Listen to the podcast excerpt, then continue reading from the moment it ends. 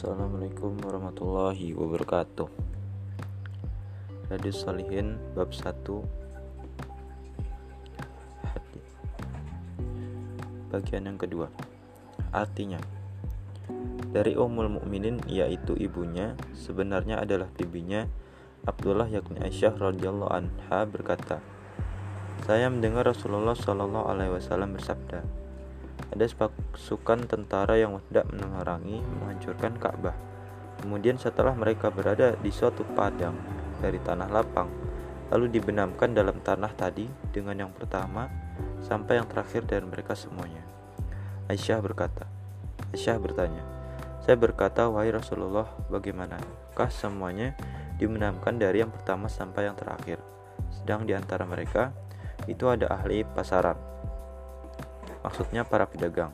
Serta ada pula orang yang tidak termasuk golongan mereka tadi, yakni tidak berniat ikut menggempur Ka'bah. Rasulullah Shallallahu Alaihi Wasallam menjawab, Ya, semuanya dibenamkan dari yang pertama sampai yang terakhir. Kemudian nantinya mereka itu akan dibahas, dibangkitkan dari masing-masing kuburnya sesuai niat-niatnya sendiri untuk diterapi dosa atau tidaknya. Disepakati hadis ini mutafak alaih yakni disepakati kesahihannya oleh Imam Bukhari dan Imam Muslim. Lafaz di atas adalah menurut Imam Bukhari. Keterangan Sayyidah Aisyah diberi gelar Ummul Mukminin yakni ibunya sekalian orang mukmin sebab beliau adalah istri Rasulullah Sallallahu alaihi wasallam. Jadi sudah sepatutnya. Beliau juga diberi nama Ibu Abdullah oleh Nabi Sallallahu alaihi wasallam. Sebenarnya Abdullah itu bukan putranya sendiri, tapi putra saudarinya yang bernama Asma.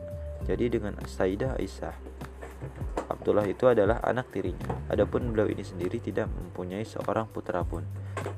Dari uraian yang tersebut dalam hadis ini dapat diambil kesimpulan bahwa seseorang yang soleh jika berdiam di lingkungan suatu golongan yang selalu berkecimpung dengan dalam kemaksiatan dan kemungkaran, maka apabila Allah Ta'ala mendatangkan azab atau siksa kepada kami itu, orang saleh itu pun pasti akan terkena pula. Jadi hadis ini mengingatkan kita semua agar jangan sekali-kali bergaul dengan kaum yang ahli kemaksiatan, kemungkaran dan kezaliman. Namun demikian dengan perihal amal perbuatannya tentulah dinilai sesuai dengan niat yang terkandung dalam hati orang yang melakukannya itu. Mengenai gelar Ummul Mukminin itu bukan hanya khusus diberikan kepada Sayyidah Aisyah radhiyallahu anha belaka, tapi juga diberikan kepada istri Rasulullah sallallahu alaihi wasallam yang lain-lain.